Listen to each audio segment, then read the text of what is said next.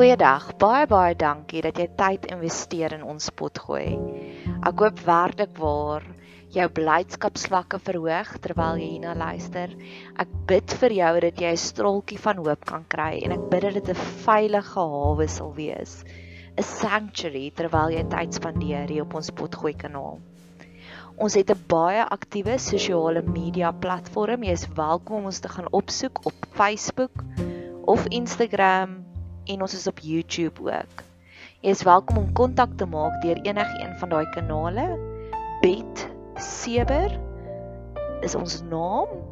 Dit staan vir huis vir huis van hoop. En ons geniet dit wanneer mense deel raak van ons gemeenskap. So indien jy enige op enige manier wil deel raak van ons gemeenskap, stuur asseblief vir ons 'n boodskap hê. Ons kom Vrydagoggende bymekaar en dan gee ons bietjie vir mekaar liefde, sissie liefde.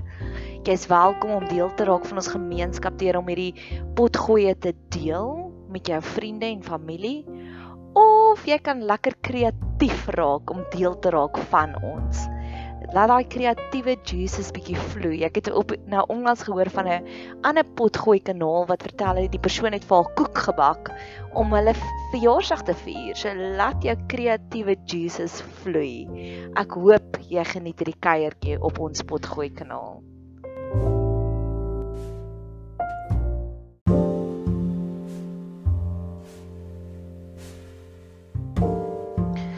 Hoe om jou blys blydskap los te wikkel van die omstandighede. Verlede jaar het ek op 'n baie intense reis gegaan van jy en jou joy skat in jou joy stad en ek het 'n hele paar prinsipe in plek gesit. Soos om gereeld te reflekteer, soos om dankbaarheidsjoernale te hou. En verlede week sê my beraader vir my, jy besef jy het jou joy losgewikkel van enige omstandighede. En ek sê nee. En sy sê ja dis wat ek kan hoor in jou stories. Jou blydskap is nie meer afhanklik van wat gaan in jou bankbalans aan nie. Jou blydskap is nie meer afhanklik van op 'n stadium het ek besef soos wat sekere mans trofee vrouens soek so soek ek 'n trofee boyfriend. Kyk hy moet die slimste wees hy moet die aantreklikste wees hy moet die suksesvolste wees En die Here het my daarvan bevry. En sy sê vir my, "Ja, ek dink jy is nou op daai punt waar jou blydskap is regtig waar net by die Here." En ek het dit gehoor, maar ek het dit nie eintlik ter harte geneem nie. Saterdag aand, nou ek sê altyd ek werk sodat ek kan lewe. Ek lewe nie om te werk nie. So ek het nie miljoene in die bank nie want ek voel dis net genoeg vir wat ek nodig het. Ek werk net 3 dae 'n week en dan 2 dae van die week leef ek my passie uit deur om potgoeie te maak, deur om vrouens te help, deur om ondersteuning te gee. En ek weet ek kan 'n nuwer kar ry, ek kan in 'n groter huis bly as ek 5 dae 'n week werk, maar dis nie my uitkyk nie. Ek sal dalk geniet om bietjie meer te reis spreek ek dit nou uit oor my lewe, maar in elk geval. So Saterdag aand het ons hierdie dis dan die lockdown is nou verby. Ons het hierdie lekker impromptu braai en ek sit by my vriendin en ek sê vir haar dis hoekom ek so hartseer was oor lockdown. Want al hierdie wowness is in 'n oomblik van my weggevat en ek was Ek het 'n hele paar in instortings gehad, meltdowns gehad, maar Brené Brown noem dit nie meltdowns nie. Brené Brown noem dit spiritual awakening. So ek kan sê na die lockdown, ja, ek geniet en waardeer dinge nog meer. So 'n Saterdag aand braaitjie waar ons gin, gin bubbles ontdek het. Die lekkerste gin bubbles was vir my 'n fees en ons het gedans en ons het gesing en dit was regtig fantasties. Dit was 'n Saterdag aand fees. Ek skryf ver oggend vir hulle 'n briefie en ek sê Want ek skuldig om dit te sê want ek weet dit is sonde. Ons het op 'n stadium gedroom om die lotto te wen want ons beplan ons gaan almal saam met 'n vakansie. En ek skryf op die einde en ek sê ek dink daar is mense wat alreeds die lotte gewen het en alreeds op daai luxe vakansies gegaan het. Maar ek dink nie hulle het soveel blydskap gehad soos ons bordjies gehad het Saterdag aand nie. So dit was Saterdag aand, vanoggend is Dinsdag. Gister werk ek as 'n Montigenis. En ek besef in daardie oomblik dat ek is net so gelukkig terwyl ek mondjies skoon maak soos ek Saterdag aand was. En my liefdevolle beraader se woorde kom terug in my gedagtes waar sy sê jy het jou blydskap losgewikkel van die omstandighede af. En ek dink, wow, Here. Want in daai oomblik is dit nie waar ek fast forward na donderdag aand se troue toe nie. Ek is gelukkig maandagooggend by werk. En ek wil 'n paar stories vir jou vertel wat my blydskapsvlakke verhoog het gister.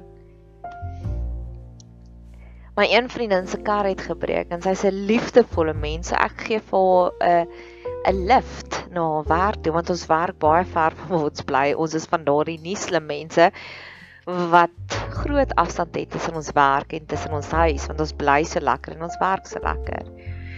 En op pad soontoe praat ek en sy oor mense wat al deur baie trauma is en hoe vinnig hulle terugbond en hoe vinnig hulle die lewe geniet. En my eerste twee pasiënte vir hierdie week is 'n koppel en hulle is so vol joy en my gunsteling vraag tans is so hoe behandel hierdie pandemie jou sover? En die vrou sê vir my eintlik nie so goed nie. Ons is in die wen, so ons doen niks nie en maar ons het daarom nog gewerk. En sy sê en ek werk saam met my man. En ek dink in daai stadium dink ek 'n week terug, want 'n week terug was ek sommer so beliggies morbied want ek het ingestap in die praktyk en ek was vol joy en ek het hierdie bankier pasiënt gehad en hy was so grumpy en hier 'n week later het ek hierdie twee mense wat basies amper vir 'n lang tyd maar geen inkomste gehad het nie en hulle is so gevul met joy en ek dink weer terug aan my vriendin ek en my vriendin se gesprek op pad werk toe terwyl daar sy kar los is tans en ons praat oor trauma fix. Ek glo dat die mense wat die meeste gevul is met blydskap is gewoonlik die mense wat al reeds deur die donkerste dinge in hulle lewe gewerk het. En hulle waardeer die lewe weer soveel meer. My volgende pasiënt is in hierdie familie gewikkel en die familie like my niks want hulle sê ek maak hulle seer as hulle kom na my toe. So hulle almal dit was 'n hele familie afspraak, maar die pa stap so 'n wye draai. Ek dink as daar agterdeur was aan die tandarts se spreekkamer toe sou hy deur die agterdeur eerder gegaan het net om my te vermy. En ek sê vir die ma, ek is so bly jy's nie bang vir my soos die res van jou familie nie. En haar woorde is, maar dis altyd lekker hier by jou Nadia. Wie sê dit? Dit is lekker om na 'n spa treatment toe te gaan. Dis lekker om te gaan uit eet. Dit is nie lekker om na 'n mondhygiëniste te gaan nie. Maar haar woorde aan my was, dis altyd lekker hier by jou. Ek het hierdie een fenominale gesinnetjie wat ek ook ontmoet het. En omdat die tipe werk waarna haar man is, is ek al vertel van bed 7. Dis eintlik 'n ding wat ek nie gereeld doen nie. Ek vertel nie vir my pasiënte van bed 7 nie net omdat hulle kom nie na 'n mondhygiëniste om berading te kry nie. Dis so dis so common sense is dit. Maar omdat ek dink 'n man wat 'n mediese dokter onder andere is, maar hy's 'n spesialis ook kan ons help, het ek al vertel. En in my spreekkamer het ek die padkaart van Babylon Storen. Dit is Koos Bakker se plek, se plaas het ek teen my een muur geplaas, maar daar's verskeie mure in my spreekkamer wat daar is vir die pasiënte met inspirerende quotes, maar dan so een muur wat hulle nie eintlik sien nie want dit is in hulle blinde kol is vir my, dis my Nadia muur. So daar's 'n foto van ons vriendekring daarop. Daar is die Babylon Storon uh, kaart daarop en daar's 'n baie cute briefie wat een van my kollegas se kinders eendag vir my geskryf het. So dis my Nadia muur. En sy sien die Babylon Storon padkaart kaart van die plaas en sy sê vir my, "Oh, dis 'n mooi kaart. Ek sê ja, dis my motivering. Ek beplan om volgende maand vir 'n naweek weg so te gaan. So dit inspireer my om hard te werk hier by die praktyk. En en ons het hierdie gesprek daaroor en sy vertel vir my nog meer stories van sy en haar man was nou onlangs daar. En voordat sy uitstap, sê sy vir my: "Hierso is vir jou geskenkie." En in die geskenkboksie is daar al die arts en crafts wat ek van die Betseber dames kan doen. Oomblikke soos dit, wanneer mense jou nie net kom sien om jou beursie te verryk nie, maar jou emosionele tentjie ook te verryk.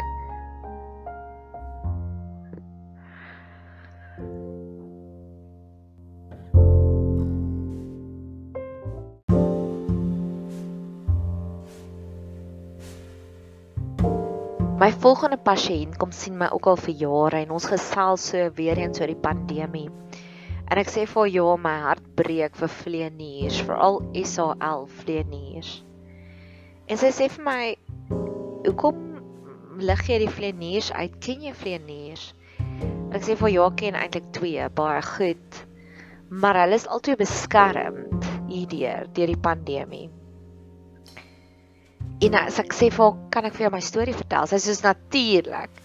En daai oomblik wanneer jy weer eens ek glo daaraan om te werk om te kan lewe. So ek gesien net my pasiënte sodat ek my lewe kan lewe, sodat ek my my passie kan uitlewe. En daai oomblik wanneer jy nie net werk om jou salaris te kry sodat jy jou passie kan doen nie, maar daai oomblik wanneer jou passie kom loer terwyl jy werk. Dis wanneer jou blydskap losgewikkel is van die omstandighede.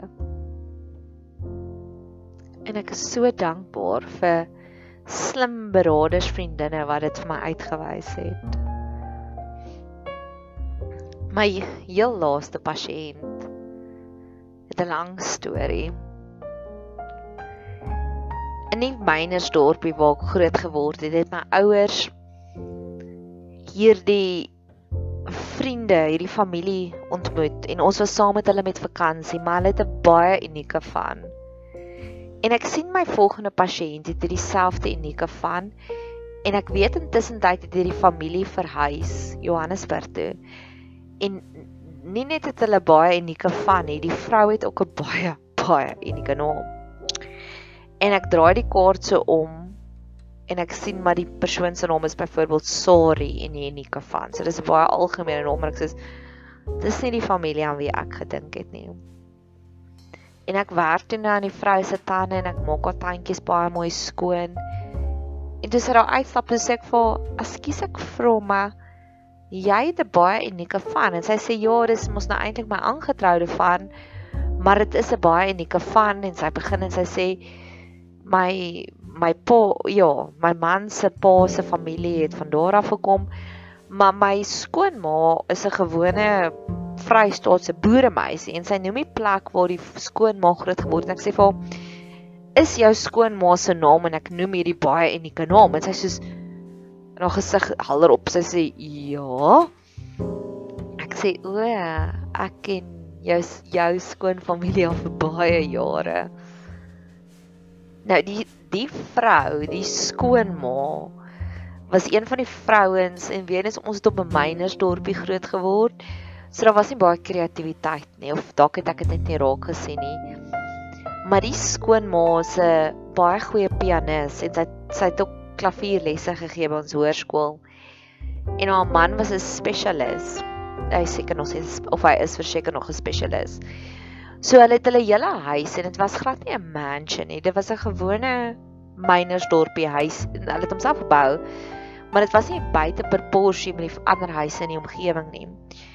Maar die hele huis was argitektonies so mooi ontwerp dat dit rondom al vleuelklavier ontwerp is. So het in die vleuelklavier was letterlik the center of attention.